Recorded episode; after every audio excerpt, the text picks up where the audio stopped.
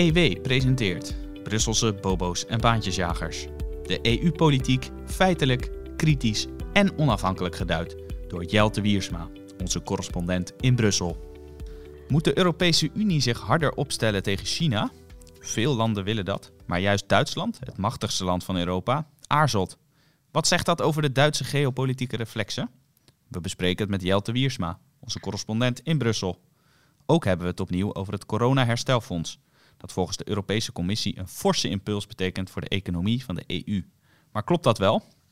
Tot slot aandacht voor een bijeenkomst van de Europese Raad van Regeringsleiders in Porto, waar wordt gesproken over een sociaal Europa. Wat houdt dat in? Het komt allemaal aan bod in deze nieuwe aflevering van Brusselse Bobo's en Baantjesjagers. Mijn naam is Matthijs van Schie.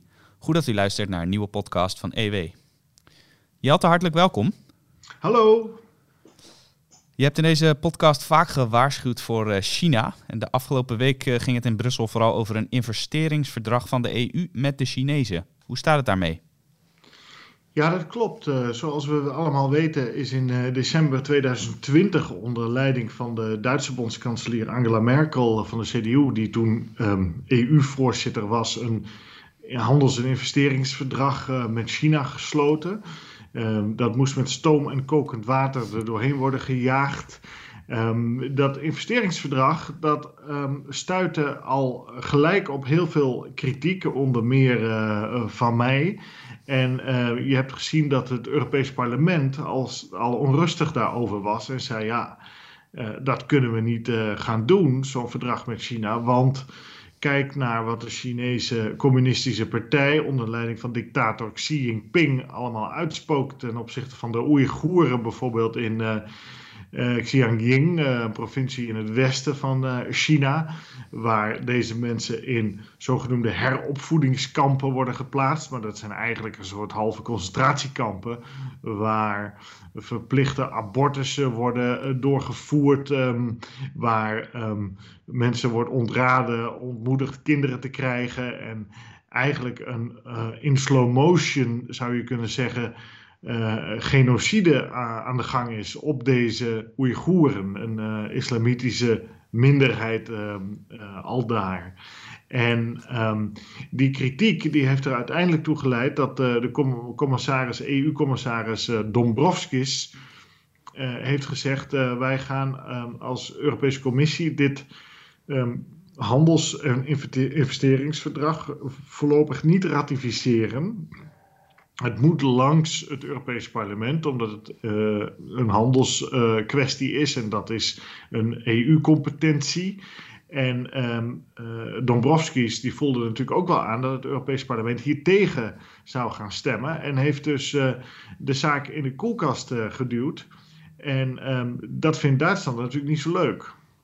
Ja, dat is wel opvallend dat je zegt dat het Europees Parlement tegen is en dat dat een van de redenen is dat het uh, voorlopig uh, niet is geratificeerd. Want we constateren natuurlijk vaak dat het Europees Parlement eigenlijk maar weinig uh, zeggingskracht heeft. Dat het voornamelijk de Europese Commissie is en natuurlijk de Europese Raad van Regeringsleiders die bepalen wat er gebeurt. Maar waarom wordt er dan besloten om in dit geval wel naar het Europees Parlement te luisteren? Nou, kijk, eh, omdat het een competentie is van het Europees Parlement. Kijk, het Europees eh, Parlement heeft op heel veel gebieden niks te zeggen. Dus die nemen de hele tijd resoluties aan over uh, dat de wind harder moet waaien of dat de zon harder moet schijnen of zo. Maar daar gaan ze niet over. Um, en um, waar het Europees Parlement wel over gaat, is handelskwesties. Want handel is een comp competentie van de Europese commissie um, gecontroleerd um, door het Europese parlement. En um, er is nog een kwestie die daarbij komt. Het Europese parlement heeft uh, de afgelopen tijd uh, sancties van de Chinezen opgelegd gekregen. Um, althans, een aantal Europese parlementsleden, um, waaronder, uh, of onder wie moet ik zeggen, Reinhard Bütikofer van Bündnis 90 Die Grünen. hij is Europees parlementslid uit Duitsland en hij is voorzitter van de EU-China-commissie, zou je kunnen zeggen. En um, er zijn ook sancties ingesteld tegen Sjoerd Sjoerdsma, bijvoorbeeld, Tweede Kamerlid van D66 uh, in Den Haag. En dat is een uh, reactie geweest van China op een aantal sancties die door de regeringsleiders zijn, van de 27 e- EU-landen zijn uitgevaardigd tegenover vier hoge bestuurders uit die regio Xinjiang in, ehm, in West-China. Ehm, als uh, waarschuwing dat die Oeigoeren daar beter behandeld moeten worden. Nou, uh, de communistische partij, Xi Jinping als dictator is daar de baas natuurlijk, die heeft gezegd van uh, wij gaan dan terugslaan en dan gaan we natuurlijk terugslaan door net iets meer mensen uit Europa op zo'n lijst te zetten. En daar is het Europees Parlement wel boos over. En dat is begrijpelijk. Die Butikover, dat is een aardige uh, man, die, uh, die tweette al heel geestig van...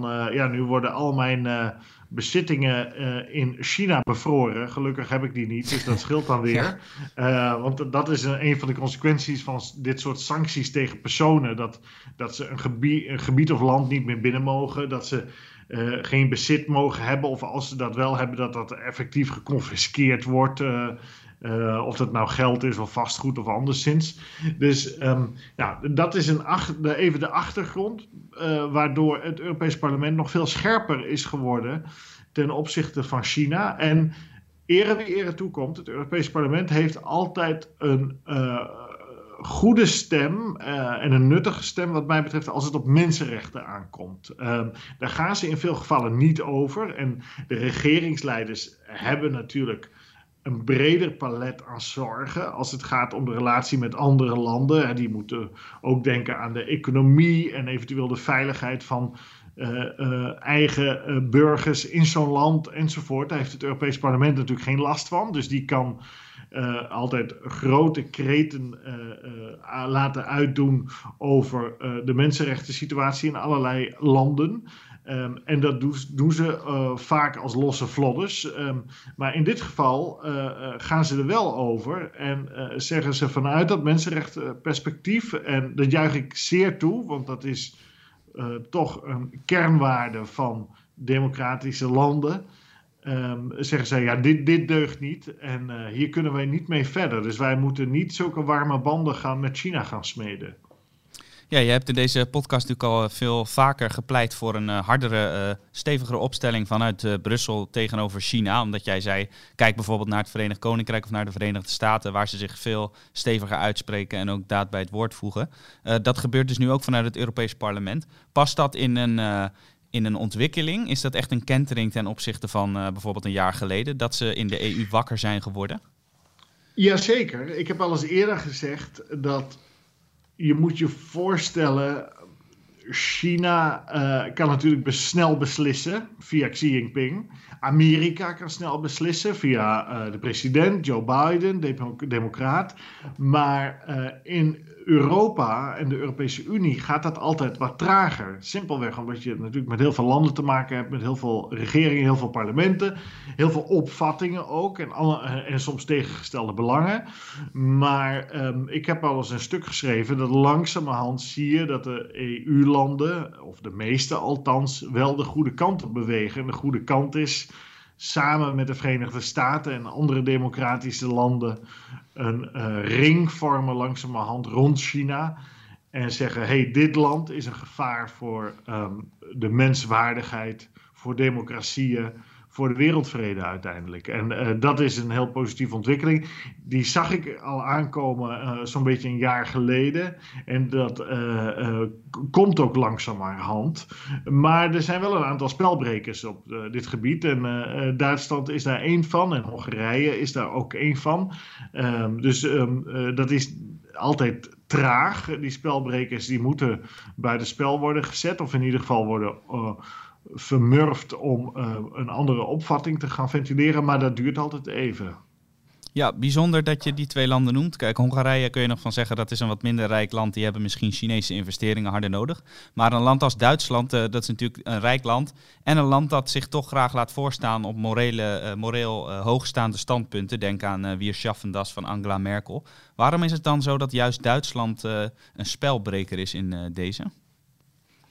Ja, Duitsland is een heel vervelend land in dit opzicht. Uh, moralistisch, maar ondertussen jagen ze hun eigen belangen na. Dat mag natuurlijk, maar ehm, wees dan ietsje minder moralistisch alsjeblieft.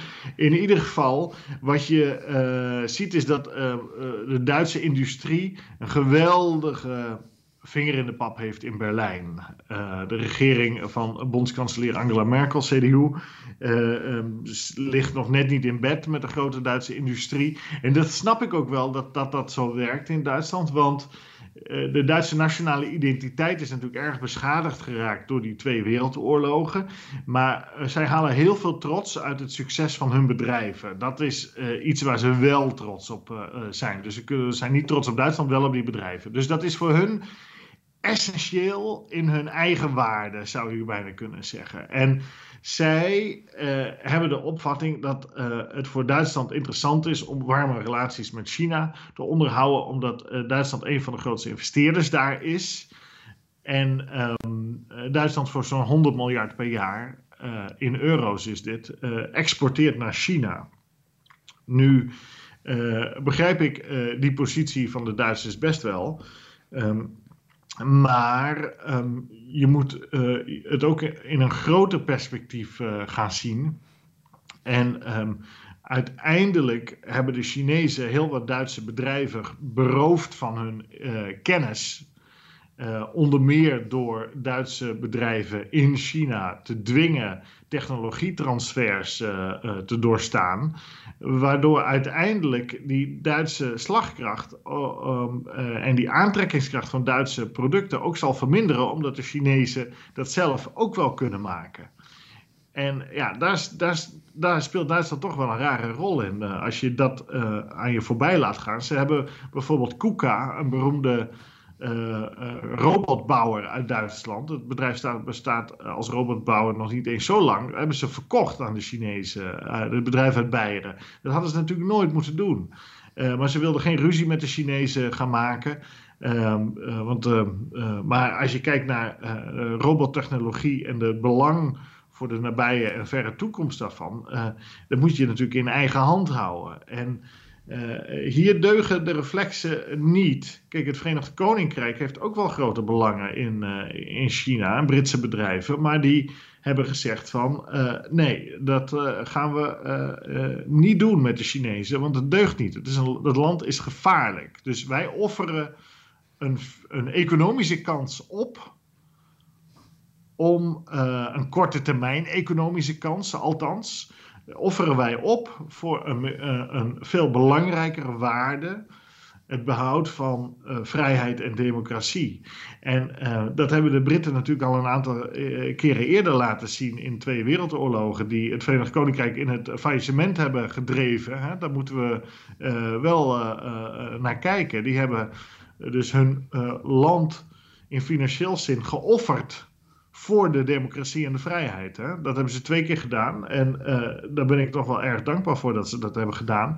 En je zou verwachten dat Duitsland, gezien zijn geschiedenis, haar geschiedenis moet ik zeggen, um, ook wel eens zo'n offer zou willen uh, en mogen brengen. Maar dat gebeurt dus niet. En ze doen hetzelfde met Rusland natuurlijk, waar ze. Ook een land onder leiding van de president-dictator Vladimir Poetin uh, die ook van alle kanten de democratie proberen te bedreigen en te proberen te knabbelen aan de grenzen van de EU, Europa, uh, mensen omleggen binnen de EU en in het Verenigd Koninkrijk enzovoort. Um, ja, dat zijn toch niet zulke fraaie figuren. En um, enige afstand nemen daarvan zou toch wel aardig zijn. En uh, uh, we weten dat er andere kansen liggen in de rest van de wereld. Bijvoorbeeld met India, wel een democratie, ook wel met zijn mankementen, maar toch een land dat uh, qua bevolking straks groter is dan China en economisch uh, snel groeit. Maar wat te denken ook van ehm, Zwart-Afrika natuurlijk. Um, en natuurlijk Latijns-Amerika. Er liggen meer kansen in de wereld dan alleen China. En uh, India en uh, Zwart-Afrika en dan moet ik officieel zeggen Sub-Sahara-Afrika natuurlijk. Uh, ja, anders krijg ik weer allemaal boze mailtjes. Ja, volgens mij zijn onze luisteraars niet zulke gekwetste mensen hoor. Ik oh, denk dat die dat wel dat kunnen hebben. Nee, en anders zien we de mails wel tegemoet, maar ik verwacht het niet. Oké, en, en, en Latijns-Amerika, maar daar kan je wel ook je kansen pakken. Dus, nou, ik vind dat Duitsland hier een rare rol speelt. En ehm, dat hebben we toch al zo vaak gezien in de geschiedenis. Um, de reflexen op geopolitiek niveau van de Duitse regering is opnieuw niet deugend, zou ik zeggen. En uh, dat stelt me wel teleur. Zeker in deze week uh, die achter ons ligt, is dat toch weer opvallend om uh, te concluderen. En jij zegt juist vanwege die Duitse reflexen die niet altijd deugen, is het heel goed dat Duitsland zo stevig in de EU is verankerd. kun je dat toelichten? Want je zegt soms Duitsland bepaalt eigenlijk wat er gebeurt in de EU, maar nu draai je het eigenlijk om en je zegt de EU moet meer gaan bepalen wat Duitsland doet. Ja, dat is natuurlijk wel een spannende gedachteoefening. Je moet je voorstellen, die Europese Unie bestaat alleen maar wegens Duitsland. Zonder uh, Duitsland en de twee wereldoorlogen was die EU zoals we die nu, nu kennen niet tot stand gekomen. En waarom is die EU wel tot stand gekomen? Omdat um, uh, de Verenigde Staten en het Verenigd Koninkrijk per se wilden dat West-Duitsland niet tot neutraliteit zou vervallen in de strijd met de Sovjet-Unie. En per se wilde voorkomen, begrijpelijkerwijs, dat kort na die Tweede Wereldoorlog uh, communistische uh, reflexen bij een minderheid in West-Duitsland zou, ertoe zou leiden dat West-Duitsland in het Sovjetblok uh, zou komen. En dan is een derde punt, zij wilden, om dat te voorkomen, de Duitse industrie zo snel mogelijk, althans in West-Duitsland, heropbouwen. En de Duitsers weer in een militaire uniform hijsen, zodat zij de eerste buffer zouden vormen tegen de Sovjet-Unie. Nou, om uh, de Fransen gerust te stellen, is die EU-integratie uh, opgezet. Uh, dus Frankrijk die vreesde natuurlijk Duitsers opnieuw in een uniform, Duitsland opnieuw een industriële macht, West-Duitsland. Uh, we hebben nu al drie keer een oorlog gehad in, uh, in, in 70, 80 jaar met uh, Duitsland. We zijn er nu wel een keer klaar mee. Maar veiligheidsgaranties, onder meer van de Verenigde Staten en het Verenigd Koninkrijk.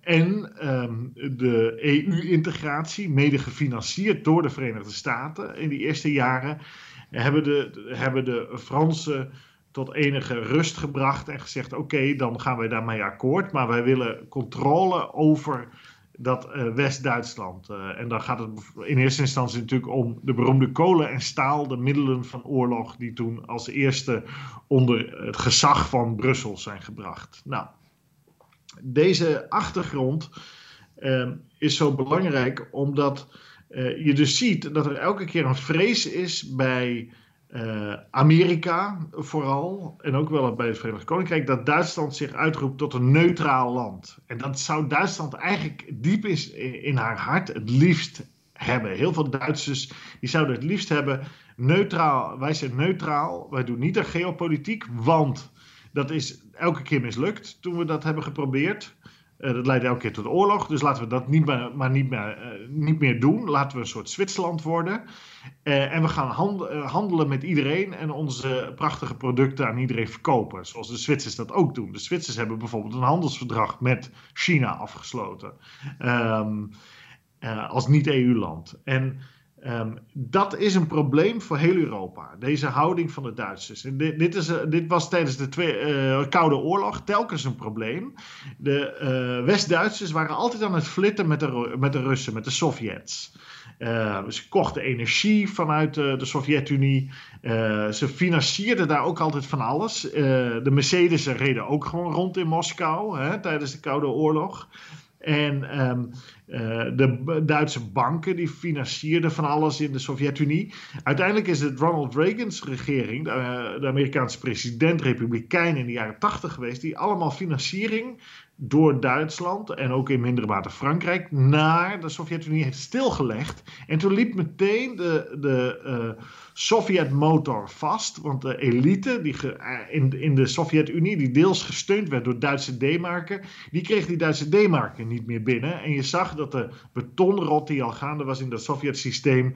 Um, toen heel, meteen zichtbaar werd en uiteindelijk dat uh, Sovjet-imperium is geïmplodeerd. Nou, toen was dat Sovjet-imperium geïmplodeerd. Wat hebben we toen gezien?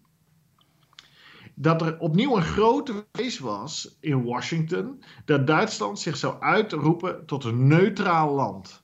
En toen heeft uh, George Bush senior gezegd: Oké, Duitsland mag herenigen, Oost en West mag één land worden. Um, maar dan moeten jullie beloven dat je lid wordt van, blijft van de NAVO. En Frankrijk, die schrok zich ook een hoedje, want dan had je dat grote Duitsland opeens weer op het toneel. En die zei: Dan willen wij de euro. En een grote sprong voorwaarts, verdere integratie. En dat is uiteindelijk van de Europese gemeenschappen in 91 in Maastricht de Europese Unie geworden met de euro. Uh, dus dat was telkens om ervoor te zorgen dat Duitsland niet zichzelf uitriep tot een neutraal land. En uh, nu zijn we aanbeland in de 21ste eeuw, 2021. En nu is er opeens opnieuw een geopolitieke strijd gaande. Het Westen, um, of de democratische landen, de vrije landen, tegenover Rusland enerzijds en anderzijds uh, China.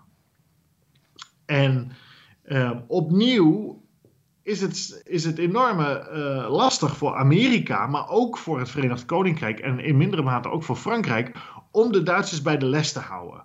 Obama was daarover gefrustreerd, Trump was daarover gefrustreerd, Biden is daarover gefrustreerd dat Duitsland nauwelijks iets uitgeeft aan defensie. Veel te weinig in de strijd met uh, Rusland enerzijds. Um, uh, je ziet dat de frustratie is bij het Verenigd Koninkrijk ook daarover. Je ziet dat er ergernis is over het Duitse geflirt met China en, het, uh, en elke keer met Vladimir Poetin, met Rusland. De, de, financiering van Vladimir Poetins regime via de grootschalige afname door aardgas van Rusland en de aanleg van pijplijnen. Ehm, de, dat handelsverdrag en investeringsverdrag met de Communistische Partij, met Xi Jinping in China. En ja, als je dat dus wil voorkomen, dat de Duitsers hun eigen belangen najagen, althans hun eigen veronderstelde belangen in economische zin, en dat zijn volgens mij vaak korte termijn belangen, die op lange termijn uh, heel slecht gaan uitpakken, uh, dan moet je dus zorgen dat die Duitsers op een of andere manier onder controle worden gehouden, dat uh, hun geopolitieke um, politiek, dat die wordt ingesnoerd. Nou, dan kom je dus bij de Europese Unie. En we hebben dus gezien dat het Europees Parlement dat eigenlijk heeft gedaan. door dat uh, investeringsverdrag niet te ratificeren. En dat vind ik toch wel fascinerend. Dus opnieuw, 2021 zijn we en nog altijd geldt. Die Duitse geopolitiek dat is niet zo'n goed idee uh, voor ons als geheel. En Europa, uh, en in, uh, de Europese Unie meer specifiek, en het Westen als, of in bredere zin, de democratische landen, kunnen het zich niet veroorloven dat de grootste economie en het volkrijkste land in dat blok in Europa, dat dat niet in ons, zeg ik tussen haakjes, kamp zit. want als Duitsland neutraal gaat, ja, dan uh, uh, stort denk ik uiteindelijk het hele bouwwerk in. Want dan kan de Europese Unie dat niet volhouden om een hardere lijn tegenover Rusland en China in te zetten. En dat is heel gevaarlijk, vind ik. Want um, Amerika kan het niet alleen. Uh, Amerika heeft, met Frankrijk en het Verenigd Koninkrijk wel een paar aantal sterke partners. En natuurlijk met Japan, Zuid-Korea, Australië en nog wel een aantal landen.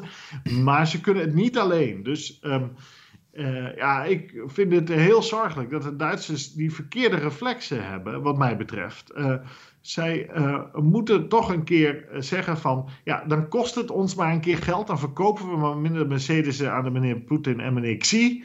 Maar dat is de prijs voor vrijheid die wij willen betalen. Het Verenigd Koninkrijk wil die prijs wel betalen. De Fransen willen die eventueel ook betalen. Al zitten die meer te linkerballen altijd. Uh, maar Duitsland kan uh, niet zich uh, verhouden tot de geopolitiek zoals Nederland dat doet. Nederland kan dat, Zwitserland, omdat dat kabouters zijn. Duitsland is te groot daarvoor. Duitsland ja. is te groot. Dat is te belangrijk. Dat kan niet. Ja, jij gaat in jouw uh, artikel uh, te vinden in de beschrijving van deze podcast ook nog kort even in op de Duitse Bondsdagverkiezingen die dit najaar zijn. Want er zijn eigenlijk twee uh, kanshebbers om de grootste te worden. Dat is CDU van Merkel. Nou, daar heb jij net van uitgelegd hoe ze in deze situatie staan. En dan heb je de Groenen. welke van die twee partijen zou nou eigenlijk het beste zijn om die ontwikkeling van het inkapselen van Duitsland in de EU te bewerkstelligen? Ja, dat is natuurlijk een goede vraag. Het is zo fascinerend. Ehm, we kennen natuurlijk de term Westbindung. Hè? Dat is een term uit de CDU, waarbij werd gezegd: wij moeten ons verbinden en deel laten uitmaken van dat Westen. Dat was een Koude Oorlog-term. Um, diezelfde CDU van Merkel is heden ten dagen veel meer bezig met een soort tussenpositie kiezen. Hè? Tussen de Verenigde Staten um, ten opzichte van China en Rusland.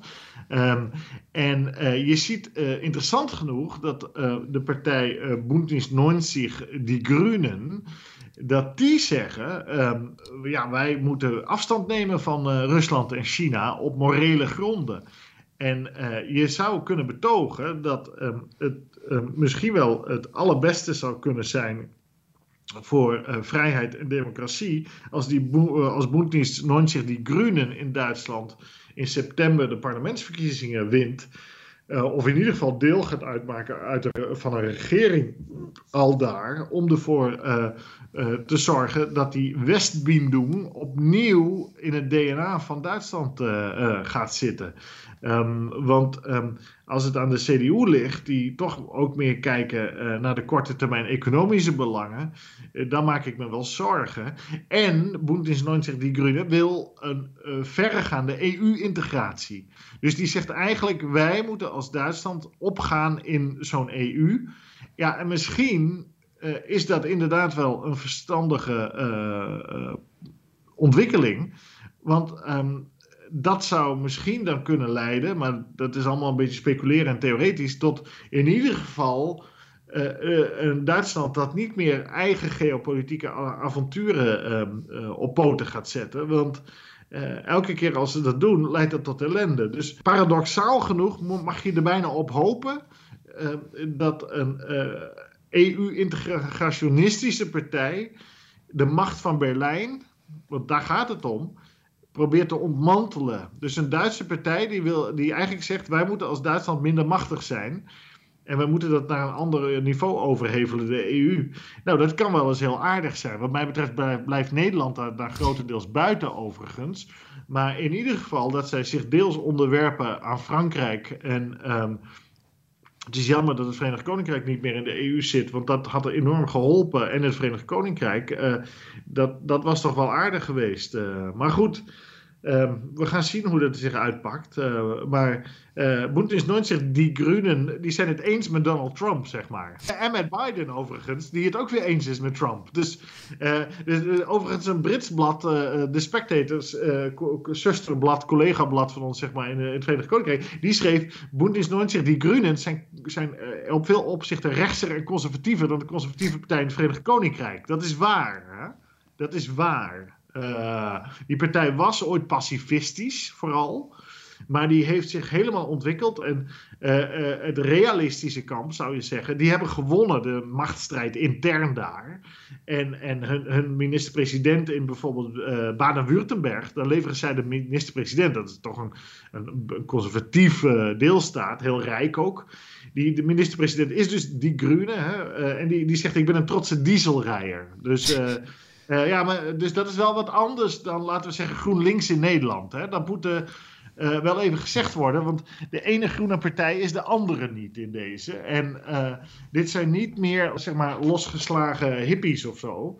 Um, dit zijn mensen met een Mercedes diesel. Kijk aan, dat is inderdaad uh, dat niet iets waar je uh, GroenLinks, uh, wat je direct bij GroenLinks zou verwachten in Nederland. Nou, al met al toch verrassende conclusies, weer verrassende inzichten van jou voor mij en voor de luisteraars. Jelte Wiersma die pleit voor, voor een EU, een pro-EU-integratiepartij in Duitsland. Ja, ik pleit daar niet per se voor, maar ik, ik concludeer alleen dat dat wel eens het, de, het beste ja. kan zijn, omdat Duitsland ja, in te kapselen want uh, die geopolitieke avonturen van Duitsland toen, hè, uh, uh, Eerste Wereld, Tweede Wereldoorlog, Koude Oorlog en nu, ja, dat is niet altijd even fris. Ja, Meer EU-integratie dus lijkt voor Duitsland in ieder geval het beste vanuit ons perspectief. Als we het dan toch over EU-integratie hebben, dan kunnen we eigenlijk niet heen om het onderwerp waar we het al zo vaak over hebben, het corona-herstelfonds. Maar voor jouw rubriek in Brussel in dit weekblad, ook te vinden op de site uiteraard, heb jij gesproken met Solt Darvas, ik hoop dat ik het goed uitspreek, een Hongaarse onderzoeker van de Denktank Bruegel. En hij heeft onderzoek verricht naar het herstelfonds. Hè? Wat zijn zijn conclusies?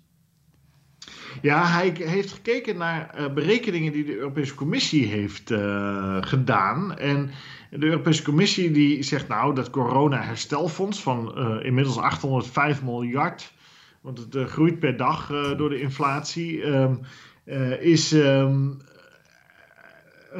ja, een fonds waarbij zo'n beetje het paradijs op aarde wordt gecreëerd. Dat leidt tot enorme economische groei in de Europese Unie. En Darvas, econoom, heeft daar eens even naar gekeken. En die zegt, nou, dat is wel erg optimistisch allemaal. Die zegt, de commissie vertelt sprookjes. Dus hij heeft daar een rapport over geschreven. Ehm, wat wel belangrijk is in deze... Kijk, de commissie levert allerlei cijfers aan... En is daarmee wel machtig. En dat uh, lezen nationale parlementen ook, uh, nationale regeringen die daar dan over moeten stemmen en beslissen.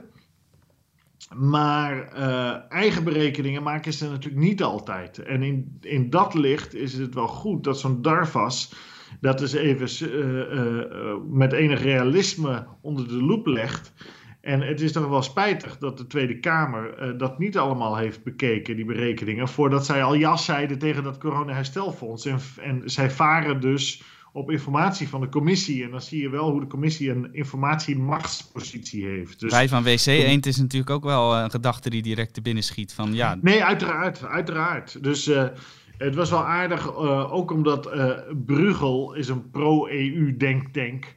Ja, en die gaan toch even uh, hard tekeer tegen de commissie. En um, dan uh, denk je, kijk, als zelfs zo'n denktank zegt, um, die commissie die zit hier niet helemaal lekker uh, spel te spelen.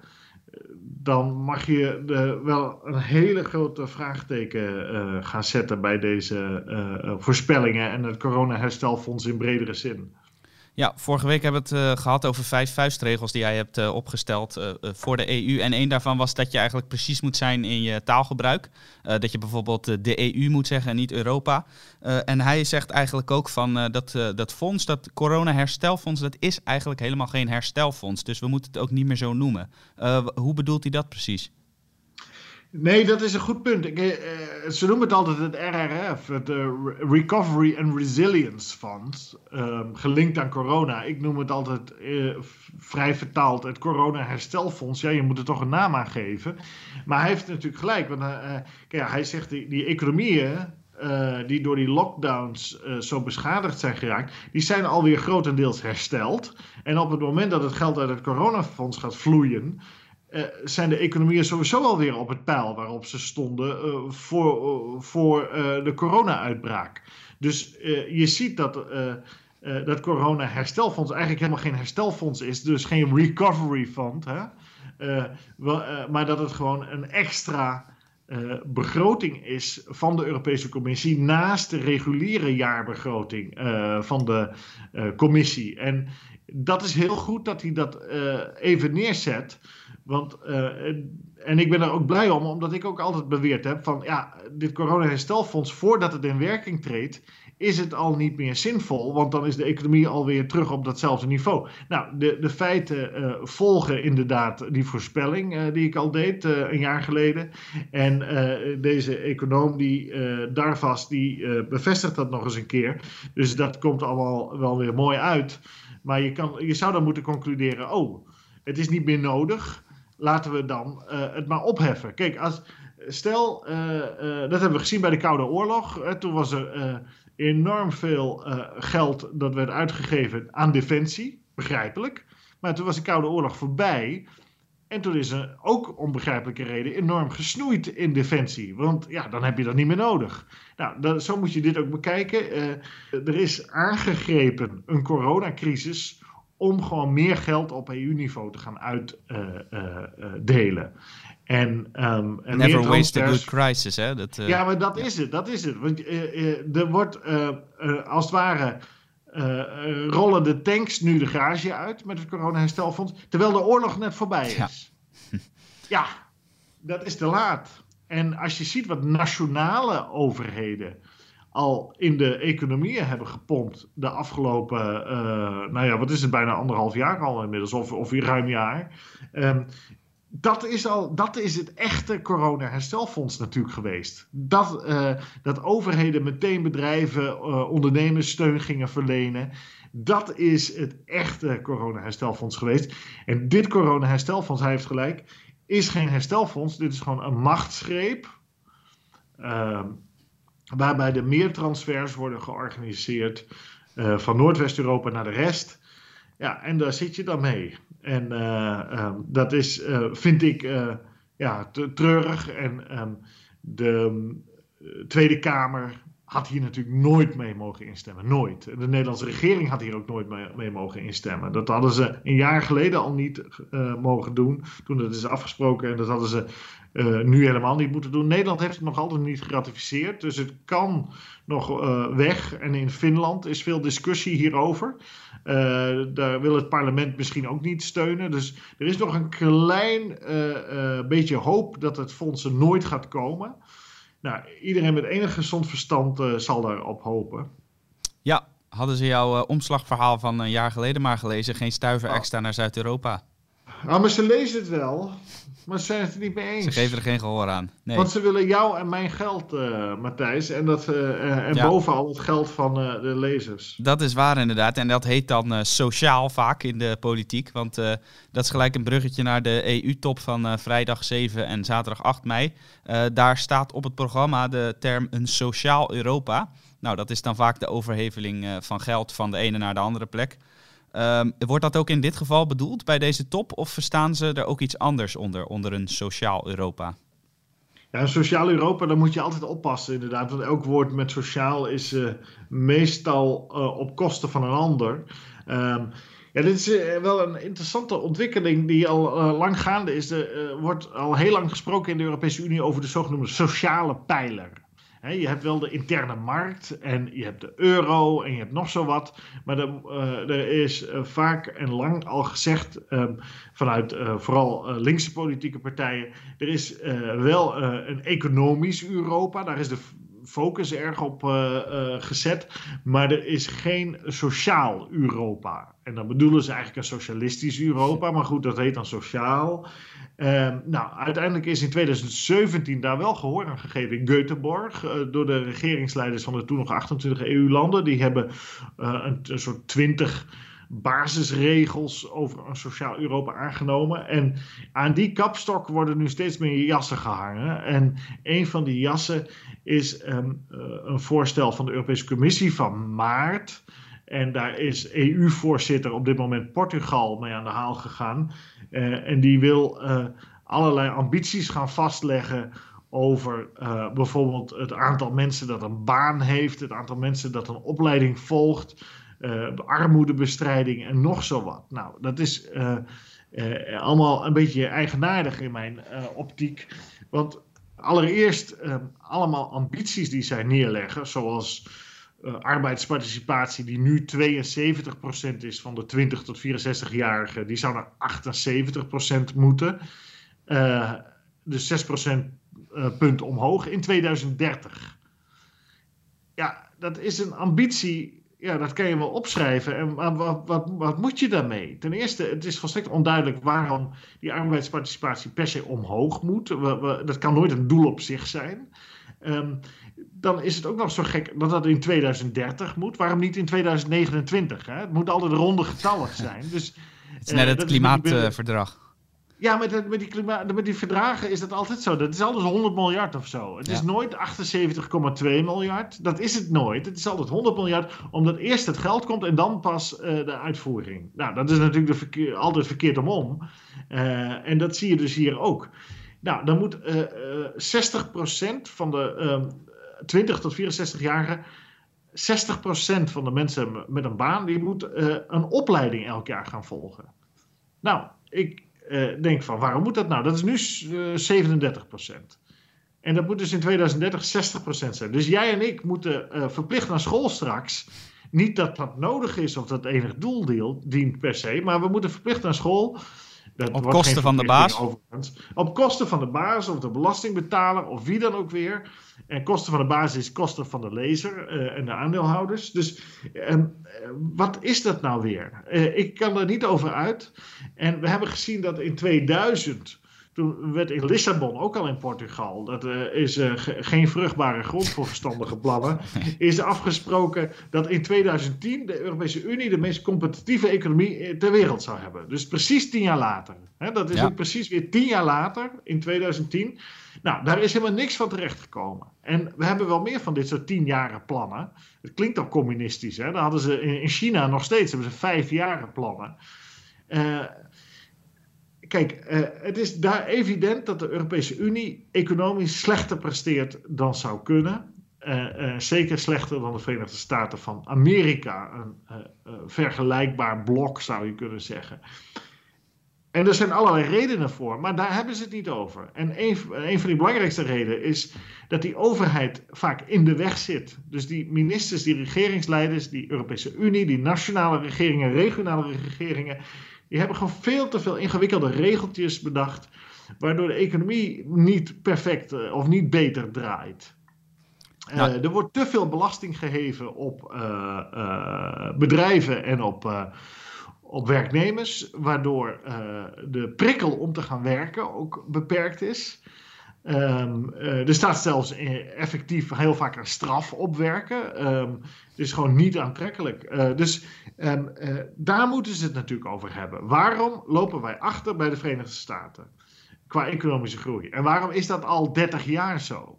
Want in, in rond 1990 uh, kwam het kantelpunt. Daarvoor liepen de VS en Europa EU ongeveer gelijk op qua economische groei. De VS wel op een hoger niveau, want dat, die begonnen op een hoger niveau, maar uh, de groei was ongeveer gelijk in procentpunten per jaar. Ja, de Europese Unie uh, slabakt, zoals dat dan zo mooi heet, sinds de jaren negentig. Uh, en daar zijn gewoon oorzaken voor aan te wijzen. Eén daarvan is de interne markt ook, die vaak bejubeld wordt. Want dat stel schrijft voor dat alles uh, in de EU ongeveer verboden is, tenzij staat opgeschreven dat het mag. Ja, dat is natuurlijk de dood in de pot voor innovatie. En als jij. Um, tot, in Amerika is het net andersom. Dan mag alles, tenzij staat opgeschreven dat het niet mag. Kijk, ja, groot uh, verschil. maar je, je kan natuurlijk niet opschrijven wat wel mag als je nog niet weet wat voor technieken ondernemers, uitvinders gaan bedenken. Dan heb je dus, een heel uh, lange lijst nodig, inderdaad. Allemachtig, dat is toch niet te doen? Dus waarom is die arbeidsparticipatie niet 78%, eh, maar 72%? Omdat um, er te weinig economische activiteit is. En er is te weinig economische activiteit omdat er te weinig innovatie is, te weinig nieuwe zaken worden bedacht in de EU. En um, ja, daar, daar, zijn redenen voor, die, en, maar dat wordt niet aangepakt. Uh, dus uh, beperking van belastingen. Dat, dat gebeurt niet. Uh, in de meeste landen gaat de belastingdruk alleen maar omhoog. Um, uh, want uh, allerlei groene plannen moeten betaald worden enzovoort. En dan denk je, ja, dat is toch wel een beetje jammer. Dus ze gaan nu. Um, nu heeft Nederland zich met tien andere landen overigens wel tegen dit sociale gedoe in, in Porto gekeerd. Dus dat is dan wel weer positief. Maar pas op, hè het gaat langzaam in de EU. Dus in, 97, of in 2017 wordt de sociale pijler in Göteborg afgesproken. En uh, je ziet elke keer dat er uiteindelijk toch een klein stapje wordt genomen. En voor je het weet zit je in een situatie waarbij um, er allerlei verplichtingen komen. Zeker als de Nederlandse rechters of de het Europees Hof van Justitie dit, dit soort halfvage afspraken uitleggen als uh, verplichtingen. En dat hebben we natuurlijk al een paar keer gezien. Uh, dus um, uh, ja, dit, dit is wat mij betreft zeer onaangenaam allemaal. En doe dat gewoon niet. En, en kom tot de kern. Zet een doel voor jezelf. wij gaan net zoveel economische groei krijgen als de Verenigde Staten. En leer van de Verenigde Staten waarom dat bij hen wel zo is en bij ons niet. Dus ze moeten allemaal op excursie, niet naar Porto. Sowieso is Portugal het armste land in West-Europa door jarenlang mismanagement. Dus dat de Portugese premier dit, een, eigenlijk een oud communist, dit, dit een goed plan vindt, dat verbaast niet. Die wil dat niet alleen Portugal arm is, maar iedereen arm wordt. Terwijl ze moeten natuurlijk allemaal op excursie naar Amerika en leren hoe je wel innovatie en e economische groei krijgt. Um, en een van de um, kernpunten is daar liberalisering, minder regels, minder overheid, minder belastingen.